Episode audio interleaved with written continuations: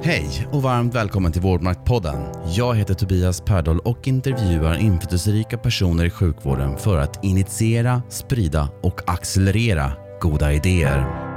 Genom Vårdmaktpodden får jag nya insikter om utmaningar och lösningar i sjukvården, vilket ger mig energi och glädje och jag hoppas att du som lyssnar också finner samtalen givande. Många verkar uppskatta förra avsnittet med Anders Ekholm, vilket känns jättekul. I avsnitt 13 träffar jag Märit Halmin, nyligen disputerad specialistläkare i anestesi och intensivvård och tidigare partipolitiskt aktiv i Ung Vänster och har jobbat för Läkare Utan Gränser i bland annat Afghanistan och Jemen.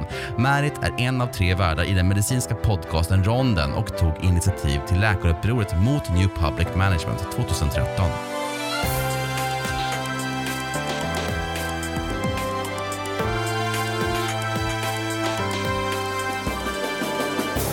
Idag talar vi om ett nördigt intresse för kemi och medicin och om att sova i bastun och brinna för förändring. Om fragmentiserad och subspecialiserad vård som ser patienten som problemet. Om det stora läkaruppropet och vad som hände sen. Om värdebaserad vård, ja, och mycket annat såklart.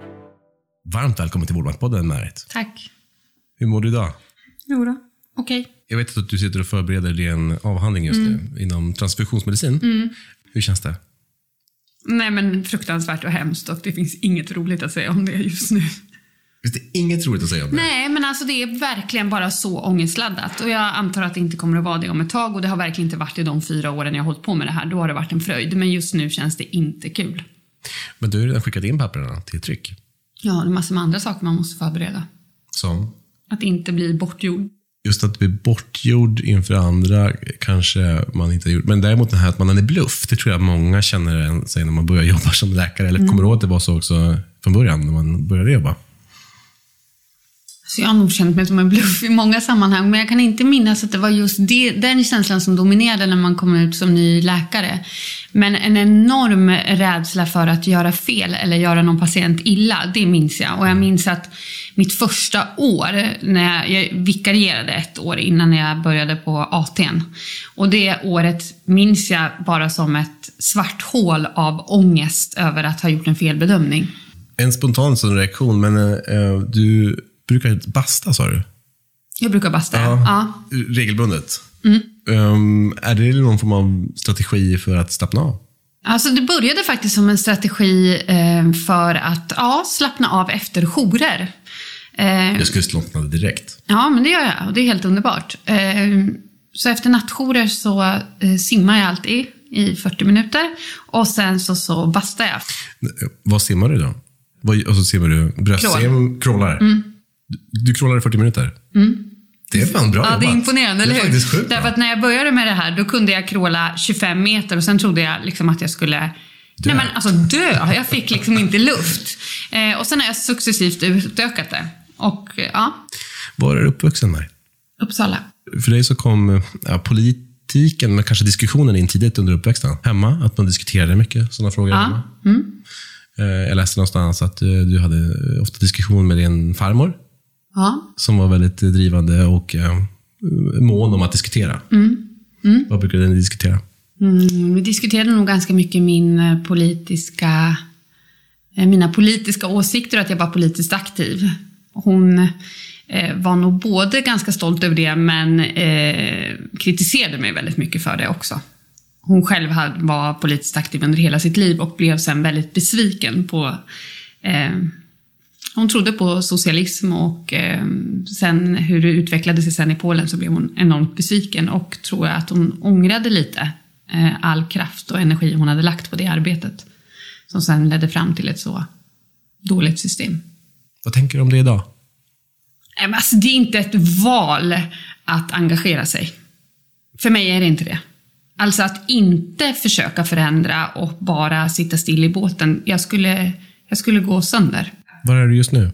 Just nu är jag nog i någon typ av letande fas. Jag tycker inte att det är väldigt lätt att tycker det är svårt, därför att å ena sidan tycker jag att det är superviktigt att försöka förändra precis där, där man står. Kanske sin klinik då. Att det är där man bör eh, aktivera sig och engagera sig för förbättring. Å andra sidan ser jag också att det är så himla mycket som ligger högre upp och eh, som är liksom cementerade strukturer och då spelar det inte så stor roll att man gör en liten, liten förändring på en klinik.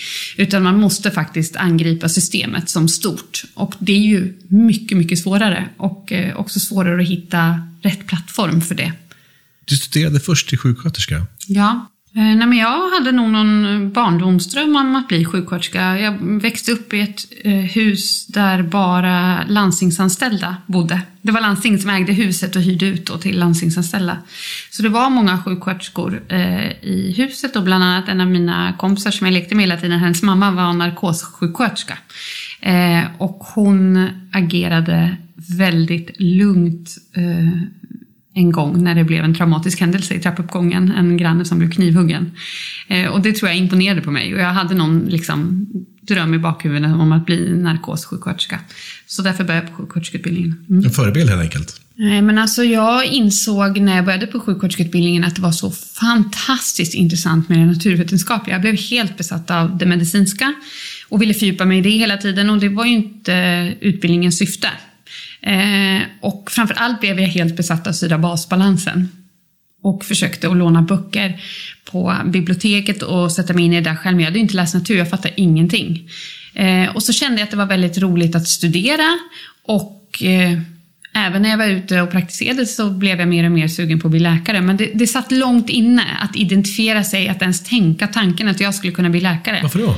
Nej, jag vet inte. Det är svårt för mig att tänka det nu, för nu tycker jag att läkare är liksom, det är väl helt vardagligt. Men det var inte det då. Jag tror att jag hade läkarna på piedestal på något sätt, att man måste vara supersmart.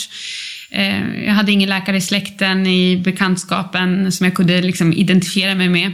Och sen kändes det lite som att gå över till fiendelägret. Så det tog ett tag, men efter eh, typ två år på utbildningen så bestämde jag mig för, nej men fan jag vill ju verkligen bli läkare. Och då sökte jag naturbasår. Eh, läste det och sen kom jag in på direkten på KI. Så då tyckte jag inte att det fanns någon anledning att liksom göra klart sjuksköterskeutbildningen. Vad var roligast under studietiden på KI? Jag älskade att plugga medicin. Jag tyckte det var så kul. Jag tyckte preklin var helt fantastiskt. Jag vet att många inte tycker det och jag låter som en nörd när jag säger det.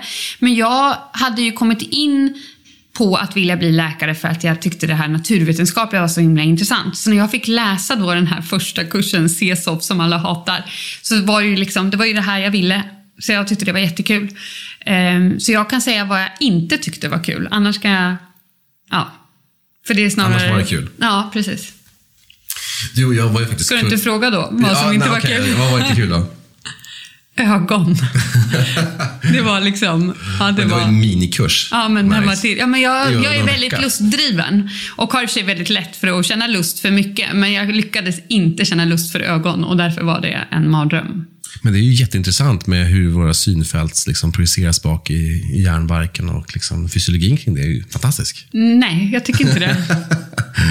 Nej, okej. Det är helt okej. Man får tycka det. Vi var ju kursare du och jag under Ja. en termin eh, och som jag uppmärksammade på här tiden när vi pratade om det. Men jag kommer mycket väl ihåg dig, att du var väldigt driven och duktig. Och du vann ju också priset som bästa kirurgstudent den terminen. Det, satt ju lite, det var lite tufft för mig. Jag kommer också ihåg att du tyckte det var väldigt kul med just anestesi. Och ehm, Du blev ju sen narkosläkare. Hur kommer det sig att du... Kan du se någon koppling vad, vad det var som gjorde att du valde att bli? Absolut. Syra-basbalansen. Återigen. Återigen. Nej, men syra-basbalansen, att jag tycker att det är sjukt roligt med fysiologi och att jag tycker att, eh, att jobba inom anestesi och särskilt intensivvård är ju liksom tillämpad fysiologi. Sen tycker jag att, sen är jag nog lite adrenalinstinn. Jag tycker om liksom eh, akuta situationer. Och sen har jag ganska dåligt tålamod, så jag vill ha snabb feedback och det får man inom min specialitet. Om man tänker sjukvård och vad vi gör. Man kontrollerar ju väldigt mycket omgivningarna och förutsättningarna när man väl är inne i sjukvården för den patienten man handlägger eller har hand om. Men för väldigt stora delar av sjuk, sjukdomspanoramat så spelar det ju mycket större roll omgivningarna för patienten. Och i synnerhet kanske missbruksproblematiken är ju i social kontext väldigt svår hanterbar att bara ha på sig den kliniska sjukvårdsapparatens glasögon. Eh, Och man är ganska begränsad som kliniskt utövande läkare att faktiskt kanske påverka den situationen. Vad är din tanke om det? Alltså det som styr hälsa och ohälsa är ju oftast faktorer som är helt utanför sjukvården och som har en mycket större plats i samhället. Eh, Alltså socioekonomiska faktorer, eh, matvanor, eh, levnadsvanor generellt. Preventionsfrågor Ja, också. eh, och där, apropå det vi pratade om tidigare, att jag tycker att professionen inte riktigt hörs och syns så mycket som den borde. Där tycker jag också att vi lite har inte tagit vårt ansvar som profession. Vi, och jag tycker inte vi lär oss det på utbildningen heller. Vi lär oss att fokusera på den individ vi har framför oss och göra det absolut bästa för den individen. Eh, men vårt ansvar är inte det. Vårt ansvar är också att eh, främja god hälsa i hela befolkningen. Och det förutsätter att vi börjar se strukturer och samband. Att det är inte en slump att alla som kommer till mig på en eh, pre-op-bedömning för att göra överviktskirurgi kommer från en viss stadsdel. Utan det är därför att övervikt är väldigt relaterat till socioekonomiska faktorer. Och då kan jag antingen sitta där och göra det bästa för varje patient och varje patient blir opererad, eller så måste vi börja höja rösten som profession i att jobba för att människor med, från lägre socioekonomiska grupper inte ska behöva drabbas av denna sjukdom som ingen annan drabbas av och ska inte behöva amputeras i princip för att de eh, kommer från en viss socioekonomisk grupp. Så skulle man kunna se det på lång sikt menar jag. Och var, vart finns professionen i de här diskussionerna? Jag saknar det. Verkligen. Eh, Men jag tror också att de flesta eh, inom vårt gebit inte ser det som ens uppgift. Nej, och då kan man ju, det kan man ju debattera, men eh, det står väldigt tydligt i alla läkareder. Nu har, svär inte vi en läkared, men genom att vara med i Läkarförbundet och så vidare så skriver vi ändå på den här liksom World Medical Associations eh, paradigm, eller vad man ska säga. Och eh, i alla dem och även i American Society of Physicians så finns det med att man ska jobba även på en samhällelig nivå. Så att eh, eh, jag vill höra någon som har ett vettigt motargument, annars så känner jag att jag kör vidare på min ståndpunkt. Nej, nej, nej, nej. Jag, jag ser inte att du har fel. Jag menar bara att, att jag, jag tror inte att man ser sig själv, att man har den rollen där ute. För, för att folk, eh, det kan, det kan stå hur, mycket, hur många pärmar som helst om vad man ska göra. Det, folk skiter i det på samma sätt som att vi inte tvättar händerna tillräckligt bra. Alltså vi säger att vi Nej. följer inte Ja. regler och riktlinjer som Nej, kommer och vi är inte upplärda heller i det. Jag tycker inte att det här har förmedlats tillräckligt tydligt på läkarutbildningen, vare sig i regelrätta ord, men inte heller i hur vi har lärt oss om sjukdomar och om hur vi ska behandla patienter. Eller vilka förutsättningar vi får i de yrken där vi utövar dem. Nej, nej. Så att, alltså, exempelvis, hur många gånger har du blivit utskickad för att hålla föreläsningar i klassrum om, att, ja, om, om, om prevention nej. till exempel? Nej, nej, aldrig. aldrig. Har du någon eh, dråplig sjukvårdshistoria som eh, du kan dela med dig av som är in, utan patientkänslig information? Som på något sätt illustrerar sjukvårdens tillkortakommanden? Vad jag, vad jag tänker på när du säger det, det första som kommer upp, det är en sjukvårdshistoria som jag själv inte har varit delaktig i, men som jag har fått berättat för mig. Och det var en kvinna som, tänk att jag inte minns hennes namn nu, hon heter Britt-Marie i förnamn. Hon skrev en artikel som blev väldigt uppmärksammad för tre eller fyra år sedan i någon tidning, eller om hon var med på Rapport bort. Eh, hon skrev om änglarna i sjukvården eh, och om sin make som hade någon cancer och hur han hade liksom bollats runt och träffat 80 olika doktorer. Det fanns ingen som tog ansvar. Men som hon skrev det så himla bra var att varje enskild sjukvårdspersonal som de hade träffat hade varit fantastiskt empatisk och närvarande de två minuterna men hade inte tagit något ansvar eller någon kontinuitet. Det tycker jag på ett väldigt bra sätt eh, visar på sjukvårdens tillkortakommanden denna fragmentisering och total avsaknad av ja, det hon beskrev och som jag faktiskt kan känna igen mig i även när jag själv har varit patient, det är det här att man ehm, det är ingen som är otrevlig mot en, tvärtom. Jag tycker att man blir jättefint bemött, men ingen tar något helhetsansvar. Man känner sig liksom helt bortkollrad i ett ehm, oöverskådligt system. Du berättade ju här tidigare, om, vi pratade om det här, eh, om ett tillfälle när din remiss försvann. Ja, till exempel. Mm. Vill du berätta, vad var det som hände? Nej, men jag blev remitterad från vårdcentral till en specialistmottagning och väntade på en kallelse. Efter ett halvår hade jag inte fått någon kallelse och ringer. Eh, och eh, så småningom visade det sig då att eh, jag har blivit borttappad i systemet. Det, var, det här var en liten grej och den är ganska oviktig, men Ehm, jag tycker att det är mycket viktigare den här, särskilt hos någon som är väldigt svårt sjuk, den här känslan av att ingen har något helhetsansvar. Ehm, kom ihåg att hon, den här kvinnan Britt-Marie, även beskrev det som att den enda som står för kontinuiteten är patientjournalen. Ehm, och det visar på ett, det blir ett ganska inhumant system om det inte finns en person som står för kontinuiteten. Jag tycker inte att patientjournalen kan ersätta det. Men två visar också vad otroligt mycket vi måste skriva i denna patientjournal om det är det enda som står för kontinuitet. Och apropå att man funderar på vad gör, vi har ju så mycket läkare här i Sverige men ändå så spenderar läkarna minst tid med patienterna, vad beror det på? Ja, då kan man diskutera att det finns massor med, vi skulle kunna förbättra systemen och du älskar digitalisering och så, fine. Men det finns också ett problem i att vi gör massor med saker därför att vi har ett system som kräver att vi gör det därför att vi inte har ett system Alltså om, om journalen blir den enda kontinuiteten, då måste allt stå i journalen. Och sen måste du, när du läser min journal, läsa hela journalen. För tänk om du missar någonting. Eh, och jag menar, det här är enormt tidskrävande. Det finns massor med effektiviseringar man skulle kunna göra. Jag menar, det är ett skämt, våra datasystem. Det är inget snack om saken. Men det är inte det enda problemet. Nej, det finns inte. också ett problem i systemet. Att vi till exempel har total fragmentisering. Att vi Absolut. gör liksom enskilda insatser på en kropp ingen har ansvar för människan. Det skapar i sig också väldigt mycket administration. För att inte tala om ersättningssystemen som kräver att man rapporterar tillbaka och som gör att vi gör massor med administration bara för att få finansiering för att fortsätta bedriva vår verksamhet. Ja. När jag tänker på dig, Marit, i vissa avseenden så skulle jag väl också säga att du är något av en eldsjäl. Du känns som att du brinner ganska mycket för de här olika delarna som du ger dig in i. Och då är en fråga är, finns det risk att man bränner ut sig? Det gör det säkert. Jag tror att jag skulle bränna ut mig än mer om jag inte engagerar mig. Det var det jag sa tidigare, att för mig är det liksom inte ett val, det är ingenting jag funderar kring, utan att, att, se, att uppleva att någonting är fel och inte ens försöka vara lite, lite delaktig i att åtminstone ifrågasätta detta fel. Eh, det ska man också leva med. Och frågan är hur mycket det bränner ut en. Vad ser du är de största utmaningarna för sjukvården idag? Vi måste helt reformera systemet, tror jag. Vi kan prata om massor med små detaljer och tidigare måste jag säga att för mig var det Ehm, jag såg massor med enerverande problem eh, i sjukvården dagligen som jag såg som liksom isolerade problem. Och så tänkte jag, men hur skulle man kunna göra för att göra det här bättre? Och, och så bara kändes det som att de bara hopade sig och ställde sig på kö och det kändes helt övermäktigt. Det kändes som att det här går inte att göra någonting åt.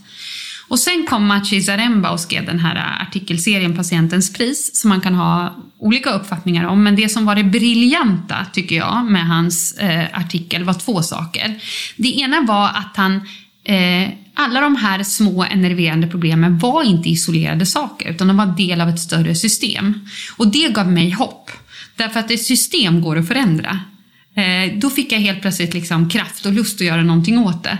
Sen kan man kalla det systemet vad man vill och han kallade det för New Public Management och det är möjligt att det var eh, lite felaktigt. Det fanns andra saker som inte är New Public Management som liksom kom med i det där. Det, är ganska saksamma. Det finns i varje fall en övergripande struktur som inte är gynnsam. Eh, det var det ena. Det andra var att jag tyckte att hela hans artikelserie, där verkar jag vara, Eh, inte alla som håller med mig om det, men jag upplevde det som att han mellan raderna ropade till oss läkare. Hallå? Om ni tycker det här är så jävla dåligt, varför håller ni på och bara är tyst och reproducerar det? Gör någonting för fan. Eh, så jag såg det liksom som ett eh, rop till mig att gör någonting. Eh, så att den stora utmaningen det är att ta itu med det här systemet och eh, ersätta det med någonting annat. Och det är ju den enorma utmaningen, att förstå vad det skulle kunna vara. Jag tycker att vi eh, har ett ansvar att värna om de skattepengar vi har. Vi ska använda dem på så bra sätt som möjligt, så effektivt som möjligt. Så det är inte så att jag tycker så här, mer resurser till vården och vi ska liksom sätta resten av samhället på, eh, vad heter det? paus bara för att liksom ösa in pengar i sjukvården. Absolut inte. Men den här ekonomiseringen som jag upplever att det här systemet genomsyras av, den slår fel. Och i den, då kan jag ta massor med exempel, men då Dels de här ersättningssystemen är eh, inte gynnsamma. Eh, två, det här snacket om kund istället för patient, marknad, att vi producerar är inte gynnsamt. Det här att vi leker affär mellan varandra, mellan kliniker, blir konkurrenter istället för samarbetspartner, är inte gynnsamt. Och det mest liksom brutala exemplet på hur fel det har blivit, tycker jag är att patienten är väldigt ofta ett problem. Det är ofta så här, vart ska vi få in den här patienten? Vem ska, vilken klinik ska den ligga på? Eh, vart ska vi placera den här patienten? Nej men gud, kommer en patient till nu? Eh, det funkar inte med mottagningstiden. Systemet är uppbyggt så att patienten blir till ett problem. Och det är, jag har gjort den liknelsen förut men jag tycker att den är bra. Och det är att, tänk om trädindustrin, eh, skogsindustrin helt plötsligt skulle identifiera träd som sitt problem. Alltså så bisarr har sjukvården blivit. Och det här är ju såklart inte kul för patienten att uppleva sig som ett problem, men det är ju inte heller kul för oss inom professionen. Det är fruktansvärt när man känner att patienten är ett problem. Vi har ju liksom utbildats och valt det här yrket för att vi vill jobba med patienten. Så det är en totala motsatsen till win-win, vad heter det, lose-lose. Jag, jag, ser inte ens någon som vinner på det. Jag tror att um, um, ett sätt att uh, också beskriva det du pratar om just nu är att uh, säga att vi som jobbar med, som generalister inom sjukvården, alltifrån primärvårdsläkare, kanske till akutläkare och även uh, anestesi och narkosläkare, mm. som jobbar med en brett spektrum av patienter, ser ofta det här att um, patienten blir Svarta Petter. Ja. Um, det är ju på något sätt det vi pratar om. Ja. Att här, ingen som vill ha, ta den här patienten. Och det kan illustrera sig i att en patient ligger nedsövd uppe på intensiven, men det är ingen klinik som vill äga och ta ansvar Nej. för patienten. Eller att jag har en patient som är dålig på akutmottagningen, ingen vill ta emot den. För att de, alla tycker att det är någon mm. annans patient. Och det är klart att, eh, precis som du säger, systemet eller ekonomiseringen, eller snarare liksom det ekonomiska ersättningssystemet driver delvis det här. Men och nu pratar man om mm. att man vill liksom hitta någon ersättning. Jag hörde någon säga att man ska ha ett ersättningssystem jag tror faktiskt man tog upp det i samband med värdebaserad eh, vård. Mm. Att man ska ha ett ersättningssystem där det gynnas att ta hand om patienten. Det vill säga att patienten ska bli attraktiv ur, ur ett ersättningssystems perspektiv då. Eh, tvärt emot vad det är idag. Ja, men det här börjar bli helt bisarrt. Ska vi då hitta ett nytt ersättningssystem som då ska gynna att man vill ta hand om patienten? grundinställningen inom vården är väl att man vill ta hand om patienten. Alltså vi skulle inte ha ett jobb om vi inte hade en patient. Eller hur? Det är liksom hela våra yrken, mitt, eh, sjuksköterskans, undersköterskans åtminstone. Sen vet jag inte hur det är med alla de här administrativa, men vi är ju utbildade till att vilja ta hand om patienten. Ska vi behöva något jättesmart ersättningssystem för att vilja göra det vi liksom har valt att göra? Det blir ju helt bisarrt. Samtidigt så måste det finnas någon form av eh, resurstillsättning i alla system. Och man kan diskutera mm. hur de ska se ja. ut. Är inte det här till ganska stor drivet av oss själva? Det vill säga vi i professionen eh, som specialister och subspecialister som drivs av att liksom fördjupa våra, förkovra våra kunskaper inom väldigt nischade, specifika fack. Eh, det driver i sig den här, det här är min patient, det här är alltså, inte min patient? Först vill jag bara säga eh, två saker, se om jag kan hålla båda trådarna i huvudet. Eh, det ena är när du säger att det, det i viss mån drivs av oss. Ja, det intressanta är att när du försöker lägga in en patient från akuten och de enskilda doktorerna, typ kardiologjouren, säger nej, så är det ju inte så att kardiologjouren via något ersättningssystem tjänar pengar på att inte ta emot patienten. Det finns ju liksom ingen privat ekonomisk vinning i det här överhuvudtaget. Trots det så blir vi alla gisslantagna. Vi blir indoktrinerade av det här systemet och börjar tänka ekonomi. Eller hur? Det är väldigt intressant att vi tänker så här, nej men det här, Ah, men om ingen är PAL, då blir ju vi eh, de som ska betala, det här går inte det visar på något vis hur, hur ett sånt här ekonomiserande system vilken makt det har. För det lyckas liksom indoktrinera. Jag kan säga att jag till exempel, när jag går till akuten och ska bedöma en patient, eh, för att någon akutläkare ringer och vill ha en bedömning av en intensivvårdsläkare, eh, så går jag ner på akuten och sen kommer jag tillbaka till min klinik och då ska jag registrera det här i ett speciellt system. Och detta är för att vi ska kunna debitera er på akuten sen. Eh, det glömmer jag aldrig. Däremot händer det att jag glömmer att skriva i journalsystemet vad jag har gjort för medicinsk bedömning. Och när jag insåg detta, att jag ständigt prioriterar att göra registreringen som leder till att vi kan debitera er, men inte prioriterade att någon skulle kunna gå tillbaka och sen se okej, okay, men Märit resonerade så här medicinskt till att ta eller inte ta patienten upp till intensiven. Så insåg jag hur starkt det här systemet indoktrinerar, eller åtminstone mig. Jag kan ju bara prata om mig själv, men jag antar att eh, det är fler som drabbas av samma sjukdom. Så ja, vi har ett ansvar, men nej, det kan inte eh, läggas på individen. Eftersom jag tror att systemet skapar individerna inom sig. Två, det här med väldigt nischade specialiteter och att det gör att vi har på något vis fragmentiserat patienten till de Nischer. diagnoser som kan passa in i våra klinikuppdelningar. Det är ett problem. Att professionen har ett medansvar där, ja. Hela vetenskapliga utvecklingen drivs, driver ju en subspecialisering. Ja. Alltså, för, för, förkovring inom smala fält mm. är ju en generell liksom, mm.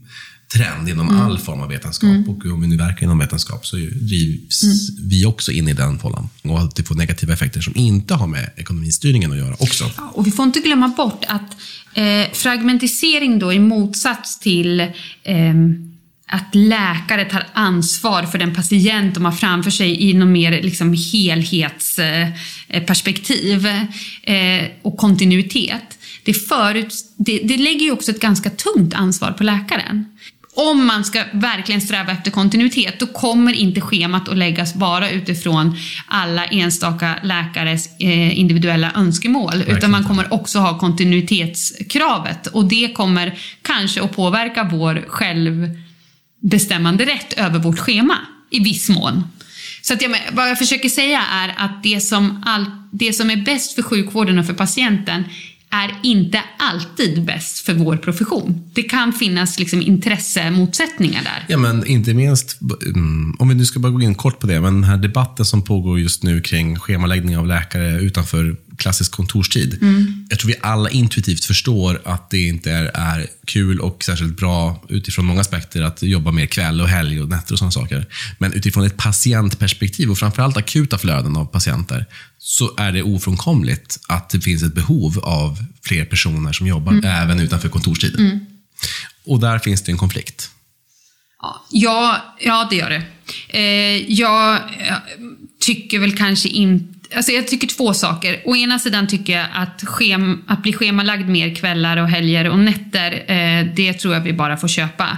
Men att bli schemalagda och samtidigt få en lönesänkning. Eh, den, den ekvationen går inte ihop. Så att eh, man måste liksom särskilja de två frågorna, vilket man nu inte gör utan har klumpat ihop.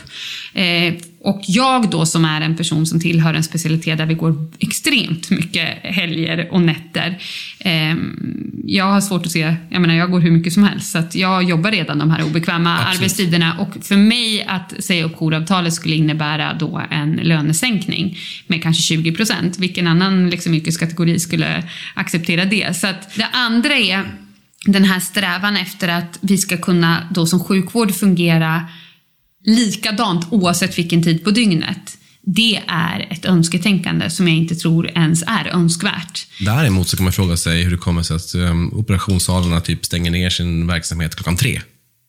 Att det ja. slutar hända någonting klockan tre. Ja. Alltså, man kanske ska kunna diskutera, kanske det borde gå att operera saker till sju, kanske till åtta, ja. kanske till nio. Mm. Och helt plötsligt så har vi fördubblat operationstiden. Mm. Så det, är den här hävstängerna som mm. jag tror man pekar på. Sen finns det ju ett annat problem. Varför opererar vi inte mer? Därför att vi har brist på operationssjuksköterskor bland annat. Varför opererar vi inte mer? Därför att vi inte har plats på intensivvården för de som det går snett för efter att de har opererats. Därför att vi saknar intensivvårdssköterskor. Inget av det här löser man genom att säga upp jouravtalet eller schemalägga läkare. Så det, det, finns ju liksom tusen andra problem i det här som inte alls eh, etikeras i det här förslaget. Vad, vad är dina tankar om den fulminanta nyhetsrapporteringen kring just sjuksköterskebristen ute i landet? Det är bra att uppmärksammas så att det väcks opinion så att politikerna verkligen fattar att man måste göra någonting åt saken. Men jag kan tycka att rapporteringen är väldigt ytlig, att den liksom stannar vid att eh, någon inte har hunnit få lunch eller inte kunnat gå och kissa, men aldrig liksom problematiserar mer bakom. Och just att kalla det sjuksköterskebrist eh, provocerar mig eftersom det finns inte en brist på sjuksköterskor. Det finns en brist på sjuksköterskor som är beredda att jobba inom den här urdåliga arbetsmiljön och för den lön de får.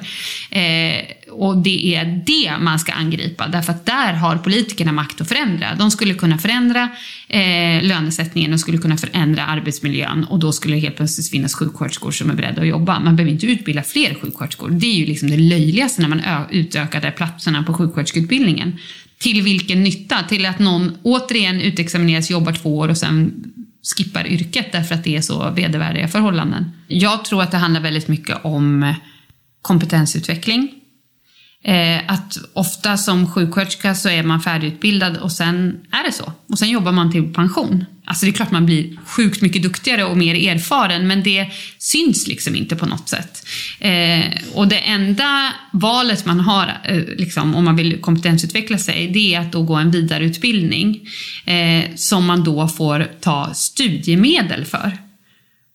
Så får man liksom gå tillbaka, ta CSN och sen kommer man tillbaka då som specialistsjuksköterska och kanske inte ens har fått en lönehöjning som kompenserar för de studiemedel man har tagit. Det är ju inte rimligt. Nu har de ju fått igenom sin akademiska specialistutbildning, eh, senaste rulliansen med SKL, Vårdförbundet mm, och SKL. Så vi får mm, väl se vad det mm, innebär. Mm. Eh, du lyssnade inte på eh, Sneva Ribeiro här i podden här, för hon pratade precis om den här delen. Okay. Lyssna på den sen. Du tog initiativet till Läkaruppropet ja. 2013 mm. tillsammans med Lollo Makdessi, mm. eh, som är gynekolog. Eh, vad var grunden till uppropet? Det var Maciej Zarembas artikelserie. Eh, och det som jag sa tidigare, ett, att eh, han beskrev ett system. Saker och ting liksom föll på plats. Det blev liksom en polett som föll ner. Okej, ett system, det här går att förändra. Och två, det var ett rop till oss läkare, för i helvete, gör någonting. Eh, och då kände jag att nu är det dags att vi i professionen faktiskt inte bara sitter och gnäller på APT-möten utan höjer vår röst. Och jag, jag trodde också att det fanns en enorm samförstånd bland läkare om att det var fel. Sen kanske exakt lösningarna och så, eh, det är vi inte överens om, det behöver vi inte vara. Men att vi liksom säger, vi tycker inte att det är bra som det är. Och två, vi är beredda att vara del i att förändra det här det ska ju inte bara vara vi. Det måste ju vara politiker och det är klart att det måste finnas ekonomiska ersättningssystem och det är inte vi bäst på, det är ekonomerna bäst på. Men vi måste vara med i det här. Vi, vi som värnar den medicinska kvaliteten och som sitter på den medicinska kunskapen, vi måste vara med i den här processen. Och inte bara att vi kräver att få vara med, utan vi tar också ansvar att vara med. Det är liksom två sidor av myntet. Ni drog in otroligt många underskrifter. Ja. Det var, jag var inne och kollade det här nyss. Det var nästan 9700 underskrifter just nu. Aha. Mm. Um, fick ni någon kritik mot det här uppropet? Faktiskt mindre än vad jag trodde. Um, ja, det fanns ju folk som kritiserade någon specifik formulering eller tyckte att det här var, det är enkelt att bara gnälla, men vad vill ni istället och så. Uh, och det är ju sant. Eh, det här var ju bara ett första steg. Det, är ju inte liksom, det var ju ingenting som löstes med läkaruppropet, men det var liksom ett första steg att höja rösten. Att fan, vi tycker inte det här är bra. Vad hände sen då? För att jag vet att ni bjöds in till bland annat runda bordsamtal med Stefan Löfven. Då var det en annan ordförande inom Läkarförbundet och hon var väldigt eh, negativt inställd till det här och ville absolut inte samarbeta med oss. Däremot så tog Läkarsällskapet kontakt och ville liksom fortsätta att driva det här och det utmynnade så småningom i att man tillsatte en arbetsgrupp som hette En värdefull vård som bestod av en rad personer som då under ett års tid eh, jobbade för att skriva ihop ett förslag. Du är med? Ni är med? Ja. Och vi var bland annat då inbjudna till att delta i det arbetet. Eh, och det har utmynnat i en rapport som nu kan användas för att försöka driva de här frågorna då. Eller driva frågor om förändring av sjukvård, så att säga. Eh, och sen, ja, läkaruppropet har gjort sitt. Det var ett upprop. Eh, sen måste ju liksom andra saker till jag hoppas fortfarande att fler kollegor på golvet ska engagera sig i att eh, diskutera frågor om hur vi vill eh, utveckla sjukvården. Eh, jag hoppas att de, profession, de organisationer som representerar professionen tar, fortsätter det arbetet och utvecklar det arbetet än mer. Och jag hoppas att det kommer att finnas en större kommunikation mellan de alla aktörer som styr sjukvården. Det vill säga politiker, profession, ekonomer och så vidare.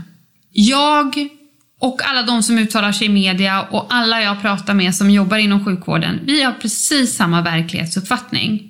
Vi kan liksom beskriva verkligheten och vi gör det på samma sätt. Men chefer, politiker, tjänstemän, landstingsråd beskriver en helt annan verklighet. Det verkar finnas en total diskonkordans i verklighetsuppfattning. Och då börjar man ju fundera på vad, vad är problemet? Varför har vi inte samma bild av verkligheten? Eh, det måste ju finnas någon, något problem i kommunikationen. Den här strukturen vi har på rapportering upp eller ner, den verkar ju inte fungera eftersom det liksom inte alls finns någon samstämmighet i synen. Och då tror jag att kommunikationen på något vis måste göras mer direkt. Jag vet inte hur det ska gå till, men, men det, är, det är snarare en problembeskrivning, jag har inte lösningen på problemet.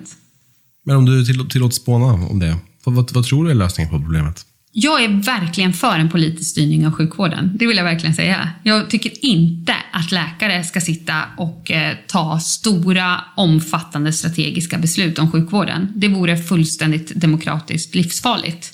En läkare går ju inte att avsätta, utan man ska kunna tydligt välja en politiker som står för en viss inriktning av sjukvården. Eh, det, det ansvaret tycker jag inte politikerna tar. De, tar inte, eh, de vågar inte prata om de här stora frågorna som man måste liksom fatta politiska beslut kring.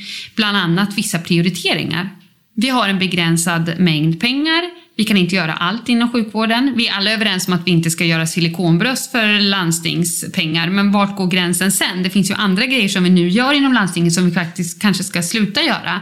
Det är ju saker som politiker ska fatta beslut om. När de inte tar sådana tydliga prioriteringar, men samtidigt ger oss en begränsad mängd resurser, så blir det läkarna eller ja, andra sjukvårdspersonal som tvingas göra prioriteringarna. Det blir på ett dels obehagligt och väldigt rättsosäkert och inte synligt sätt. Det är det ena. Det andra är att politikerna lägger sig i saker de däremot inte bör ta ansvar för. Det vill säga hur man på en enhet eller klinik eller sjukhus organiserar sig för att uppnå mål. Mål tillsatta av politiker. Säg att politikerna säger att ja, men vi ska ha minskad incidens av, nej, men nu kan jag inte ens komma på, men du förstår, någon så här folkhälsomål. Tillgänglighet, inom tre månader ska du ha ja, tid. Hur vi gör det sen, det behöver inte politikerna överhuvudtaget bestämma om. De ska inte lagstifta om en fyra timmars regel på akuten. Det är ju liksom, slår ju bara fel. Och om de här ansvaren skulle vara mer tydliga och ligga på rätt nivå, det vill säga politikerna tar ansvar för det de ska ta ansvar för och professionerna tar ansvar för det de ska ta ansvar för, då tror jag också att kommunikationen skulle vara mycket mer tydlig. Men nu när vi har ett liksom, sammelsurium av människor och aktörer som dessutom vill olika saker, eh, de träffas inte riktigt, ingen tar ansvar, ja, då, då blir ju kommunikation också väldigt liksom, otydlig. Jag hade ett samtal med Daniel Forslund som är innovationslandstingsråd här i Stockholms ja. läns landsting. Och vi pratade om just om strukturer. Men det är ju åtta nivåer mellan dig på golvet och honom ja. som är landstingsråd. Ja. Och det är klart att liksom, specifika frågor ska inte nå från honom till dig. Men det blir ändå mycket så att principbeslut och så, det tar väldigt lång tid. Bland annat tror jag att det är så att chefer tillsätts med mandat att hålla en budget. De tillsätts inte eh, med ansvar att representera sina arbetstagare uppåt och föra den kommunikationen uppåt. Det är inte deras huvudsyfte. Och då gör de inte det heller såklart. Eh, utan de måste hålla budgeten, annars blir de avsatta. Och då finns det liksom ingen som har det där ansvaret heller, att föra kommunikation från golvet uppåt. När jag ifrågasätter att man har lagt ekonomiska krafter på någonting så ifrågasätter jag inte att man har mätt det själva mätningen, det är ju liksom en del av vårt Exakt. arbete jämt. Det är klart vi ska mäta vad vi får för både vissa kvantitativa mått, därför att de kan vara relevanta ibland, men framför allt kvalitativa utfall. Det är klart vi ska mäta det. Sen är frågan om vi ska sätta pengar på de måtten. Det är det som jag ifrågasätter ofta. Jag ifrågasätter inte själva mätandet som sådant. Det är alldeles för enkelt att säga man ska börja ha ekonomiska incitament för allt. För vissa saker kan det vara väldigt smart att göra det. För andra saker totalt kontraproduktivt. Eh, Och vet du, även när det är smart, det vill säga när det får effekt, så vill jag höja ett varningens finger. Därför att jag tror att sätta ekonomiska incitament på vissa mått, det är en jättestark eh, Incitament. ett starkt incitament, tydligen. Det visar ju eh, liksom, eh, historien. Och därför gör det det så himla farligt. Därför det får massor med undanträngningseffekter och massor med andra konsekvenser som vi inte liksom riktigt ser från första början. Så blev det med Absolut. vårdgarantin. Jag menar, i sig en jättebra idé. Det är klart vi ska öka tillgängligheten och så vidare. Eh, så blir det med... ja, det finns Men, Anna, men många andra du har exempel. en Mm. väldigt viktig poäng här. Och det vill säga att, att, att, att ekonomiskt incitament i fel sammanhang kan vara väldigt farligt. Mm. Och du säger att även i rätt sammanhang så kan det vara farligt. Men då ska jag också vilja säga så här att allt, precis alla system vi riggar driver olika eh, incitament. Mm. Även dagens situation vi, och även ramanslagstiden liksom, driver en annan typ av incitament. Mm. Och vi ska inte glömma bort slöseri i de systemen som vi har idag som inte är kopplat till, till eh, ekonomiskt incitament Mm. specifikt.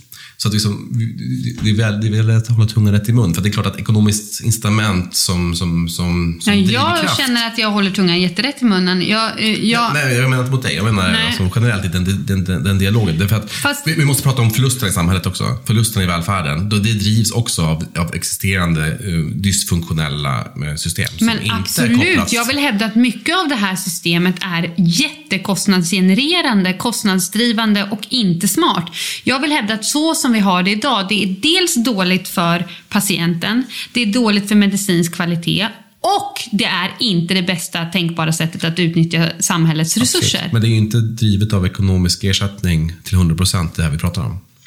Nej, det är ett jävla sammelsurium av ersättningssystem, ja. Även om du inte sätter ekonomiskt incitament direkt kopplat till vad du gör, så skapar man incitament i de, de komplexa strukturerna vi har, som också driver suboptimering och som driver väldigt mycket negativt för patienten i synnerhet. Och en väg ur det oavsett vilket väg man väljer, så handlar det om att mäta, återigen, vikten av att börja mäta vikt, utfall. För att om vi inte har data att prata om, eh, då då är det svårt. Men vad tänker du om lösningarna? att man eh, blir mycket, mycket mer tydlig på vem som har ansvar för vad. Att eh, politikerna eh, tar ansvar för övergripande mål. Eh, och det kanske ska vara fem eller tio stycken, det ska inte vara 85 000. Och sen är det professionens uppgift att utifrån de pengar man får uppfylla de målen. Och sen ska det mätas huruvida de är uppfyllda. Jag, jag är inte alls expert på Skottland. Har du kollat någonting på Skottlands sjukvårdssystem? Och de har för varje år fem övergripande mål, politiska mål, vad gäller sjukvården. Och sen är det då upp till liksom, sjukvården att på något vis organisera sig för att uppfylla de målen. Jag har inte sett någon utvärdering, eller, men jag tycker att den, liksom, om man bara ska måla med stora penseldrag, så tycker jag att det är någon liksom, vettig idé på hur sjukvården ska styras och vem vem som ska styra på vilken nivå. Det vill säga politikerna ska fatta principiella, viktiga prioriteringsbeslut och övergripande mål och professionerna ska se till att man organiserar sig för att uppfylla de målen. Och sen så, ska det finnas en påse pengar som förmedlas däremellan på något sätt. Eh, och där får jättegärna ekonomer och controllers och I don't know what eh, ha sina åsikter, men det ska de ha i kommunikation med professionen, för så tycker jag inte att det har varit fram tills nu. Hur har det varit fram till nu då? Eh, Jag upplever det som att man, har, eh, man bedriver sjukvård som man bedriver eh, produktion av varor. Och eh, där professionen har både kanske inte bjudits in men också abdikerat från ett ansvar som man borde ta. Och man bara eh, reproducerar det här systemet som inte var särskilt gynnsamt för sjukvården surt. Men, eh, och sen försöker man göra det bästa man kan på sin egen lilla mottagning och så skiter man i resten. Och det har fått väldigt, väldigt negativa konsekvenser. Jag upplever det som att vi har fått ett faktiskt helt avhumaniserat sjukvårdssystem. Som ändå i sina eh, små delar fortfarande är väldigt humant, eller humanistiskt. Och det är på grund av all personal som ändå har utbildat sig för att jobba med människor. Om man spinner vidare på det, hur tror du att vi kan skapa förutsättningar för att det där ska kunna blomma mer? Ja, dels så tror jag faktiskt att man måste ha en sjukvård som har lite marginaler. Nu har vi inga marginaler alls, det vill säga möjligheten att lyfta blicken från den patient man har framför sig och liksom se strukturer och börja fundera kring förbättringar och så vidare, eh, den finns inte riktigt idag. Man orkar inte det. Eh, det finns inte utrymme för helt enkelt. Det finns liksom inte marginal för reflektion eller eh, diskussion. Jag, jag, håller med dig här. Mm. Att, att, att, hitta tid mm. och att få med sig professionen att hitta och jobba med de här frågorna mm. är helt avgörande. Men jag tror att de allra flesta som är chefer idag, och mm. som lyssnar på den här podden kanske, de tänker så här, jo, men alltså det där, det måste man hitta i de, i de nuvarande liksom budgetutrymmena som finns. För att det finns så mycket waste. Mm. Ni träffar en massa patienter som ni inte ens behöver träffa för att det sker av rutin. Mm. Vad tänker du om det? Eh, du menar att sjukvården sysslar med saker de inte ska syssla med? Att det finns mycket ja. Eh, som man skulle kunna Det är möjligt. Att jag känner att jag har svårt att uttala mig om det. Och det är mm. kanske lite därför att jag är inom en specialitet där vi ändå sysslar med det vi ska syssla alltså det är ju liksom, jag, jag jobbar ju ändå med livshotande sjuka. Det är svårt för mig Absolut. att se att det är någon som ligger onödigt... Till viss del kan jag också uppleva det när jag jobbar på akutmottagningar där bakjourmedicin också. Jo, det finns säkert massor med saker. En sak som säkert skulle vara väldigt kostnadsbesparande, det är ju att ha kvar sin personal. Att inte hela tiden behöva skola om och skola in och ha massor med felaktigheter som sker på grund av oerfaren personal. Mm. Så att, eh, att höja till exempel sjuksköterskelönerna tror jag skulle vara extremt kostnadsbesparande på sikt. Som ett exempel. Ja, det finns 190, legitimerade, 190 000 legitimerade sjuksköterskor. Ja. Nu är inte alla de i vården, vissa är pensionerade och vissa mm. annat och så här, men, men det kanske är 150-160 000 sjuksköterskor. Um, och jag säger inte att man ska höja lönen, men när man gör det så får det fort väldigt stora konsekvenser för kostnaden inom, inom sjukvården. Jag säger inte att det är fel, jag säger bara att, att, att, det är så. Ja, jag tror att vi har enorma kostnadskonsekvenser för hur vi bedriver sjukvården nu. med de mm, sjuksköterskelöner. Så att jag, ja. Nej, nej, det borde man räkna på. Mm. Du är ju ändå en av tre programledare i Ronden Podcast. Mm. Um, som på många sätt skulle jag vilja mena är en enorm hävstång för att kunna nå ut med information om mm. man nu vill göra det. Mm. Um, har du reflekterat över det, den tekniska liksom aspekten kring att, att just... Inte alls. på riktigt, inte ens en sekund har jag reflekterat ja, över det. Jag vet att ni har haft det så här, ibland så har ni över 60 000 lyssnare. Mm. Eller nedladdningar. Det är en enorm mängd tid som folk lyssnar på, på till exempel ronden. Mm. Och det möjliggörs ju genom teknik. Det vill säga att, att, att ni sitter och har ett, ett samtal på ja. fikarast har ju liksom ingen hävstång, men genom tekniken så får ni en enorm hävstång. Mm. Um, har du reflekterat någonting över det formatet?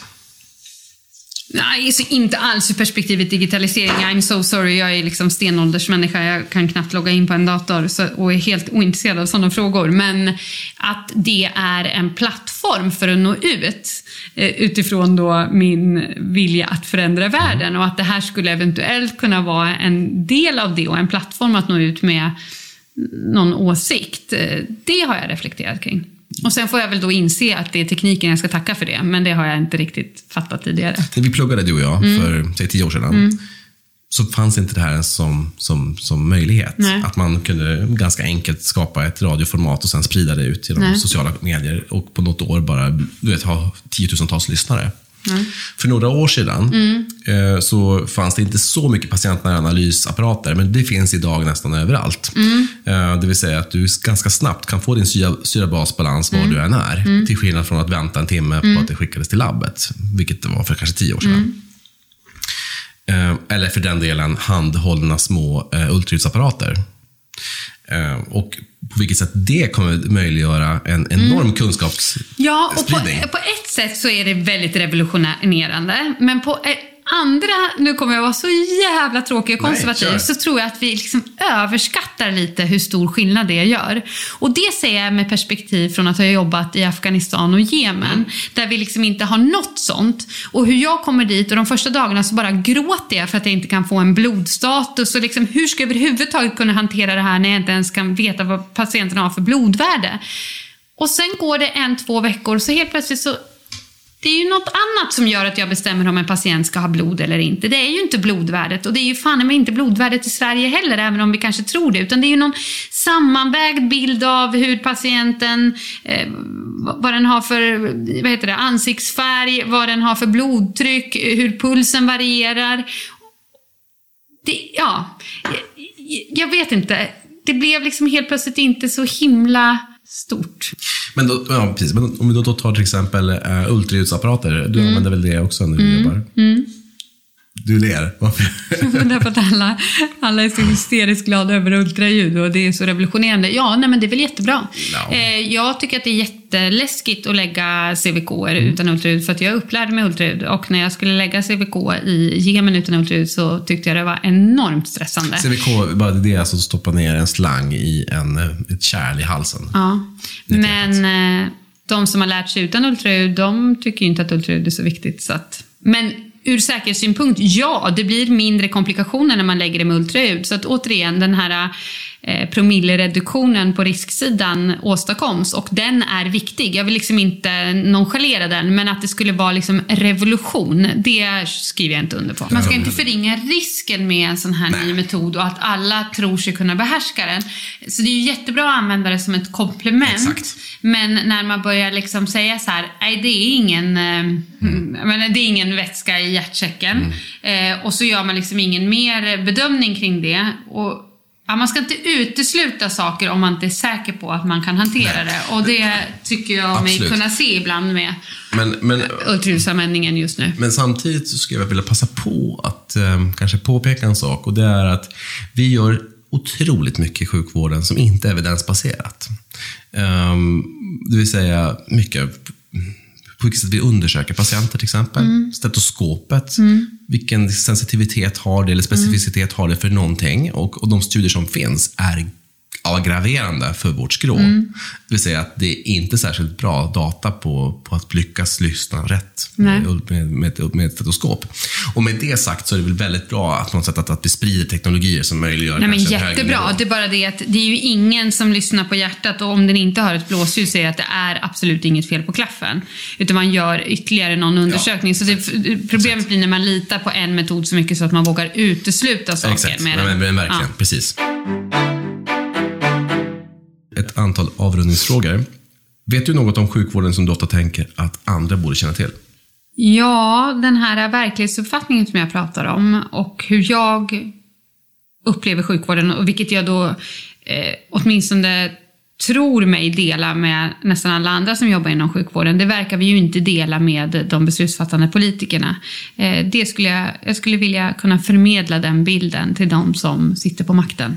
Eh, att det är en, ett sjukvårdssystem som eh, driver i helt fel riktning och som skapar en fragmentiserad sjukvård där eh, människan inte, det finns inte utrymme för hela människan. Och eh, det är inte bra. När blev du själv senast förvånad över något i sjukvården?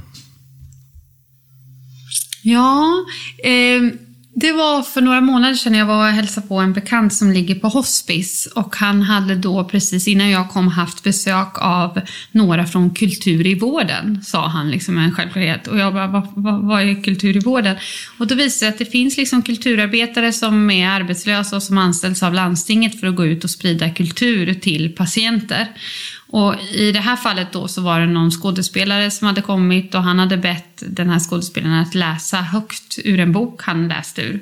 Så hon hade stått och deklamerat ur den här boken då och han tyckte det var helt fantastiskt. Och det tycker jag också. Det tyckte jag var, jag hade aldrig hört talas om det. Jag vet inte om det är något nytt, om det bara fanns på det här hospicet eller om det, på honom lät det som att det var ett så här vedertaget begrepp då, kultur i vården. Det förvånade mig något enormt och i positiv bemärkelse. Wow, jag har inte hört talas om det heller. Nej. Finns det någon sjukvårdsinnovation som du saknar eller ofta tänkt på det här borde finnas? Jag hade aldrig varit den personen som saknade saturationsmätaren innan den kom. Därför att jag har liksom total noll fantasi. Det är liksom den synapsen i hjärnan saknas hos mig. Vem tycker du ska vara med i Vårdmatpodden? Britt-Marie Arnell heter hon, nu kommer jag på hennes efternamn. Eh, hon är ju journalist och har skrivit om sin eh, makes eh, erfarenheter av sjukvården. Hon har ett otroligt bra patient eller anhörigperspektiv som faktiskt får en att verkligen tänka kring vad är det för sjukvård vi har byggt upp. Och hon kan förmedla det på ett väldigt bra sätt, så hon tycker jag ska vara med. Hur kan man nå dig om man vill veta mer om vad du tänker och tycker? Ja, jag vet inte. Jag har inte Facebook och inte blogg och inte Twitter och inte... Mail kanske? Ja, det har jag. Mm. Hur vilken mail ska man nå dig på? Eh, marit.halmin.ki.se Så nu får du en anstormning av mail här. Du har inte Snapchat eller Mm. Vet inte. Instagram? Nej. Ehm, är det något som du hade önskat eller tänkt att prata mer om idag, eh, som vi inte har berört? Ja, jag trodde du skulle ta upp värdebaserad vård, men det gjorde du inte. Vad är dina tankar om värdebaserad Ja. vård? Det är flera tankar. Det ena är att eh, de problem värdebaserad vård adresserar håller jag i mångt och mycket med om. Eh, alltså här försöker man då skapa någonting som ett mäter kvalitativa utfall snarare än kvantitativa. Två, man försöker att se till hela processen, alltså inte fragmentisera allt för mycket. Och tre, nu vet jag inte hur mycket det ligger i värdebaserad vård, men det tas alltid upp i varje fall i samma eh, mening som värdebaserad vård, det vill säga det här med att vi har stuprörsorganisation och spe, eh, specialistkliniker och att vi är, liksom är väldigt, ja, det är också en del av fragmentiseringen.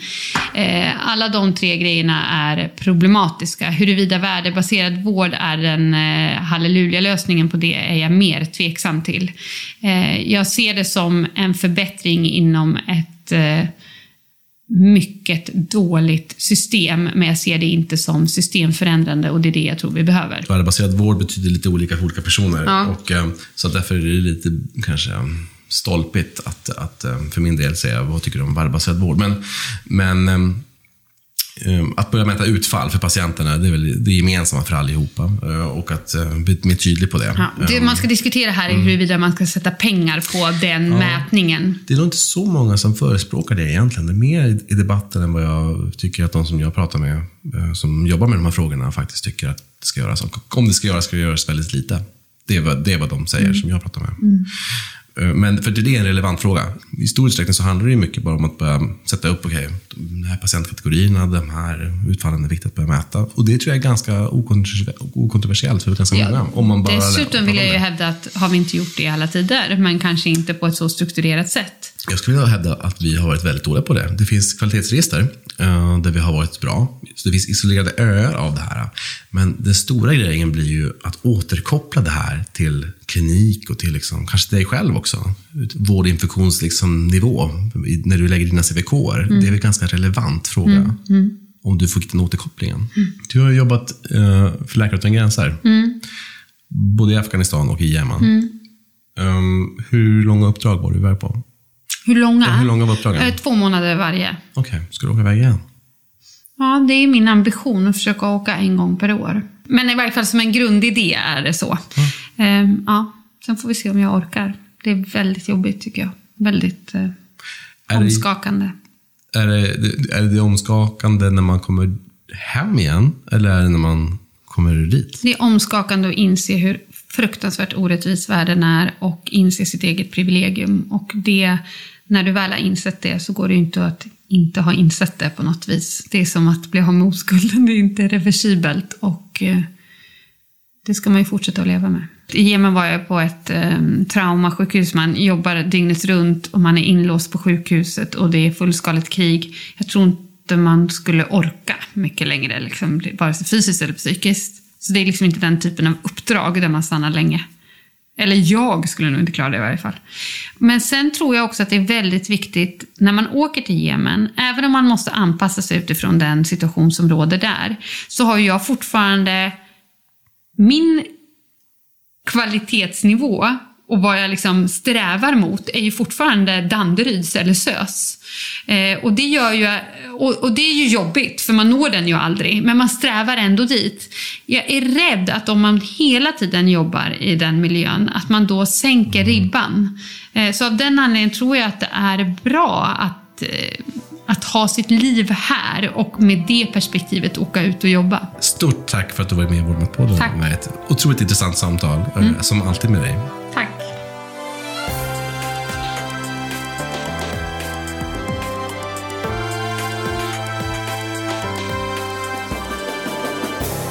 Samtalet med Märit sätter igång en massa tankar och känslor hos mig och kanske även hos dig. Så skriv gärna en rad på Vårdmaktpoddens Facebook-sida, på Twitter eller LinkedIn. I nästa avsnitt träffar jag Peter Graf, VD för 1000 i Norrtälje och jag hoppas du vill lyssna på oss. För det börjar med ett samtal, sen är det upp till dig och mig.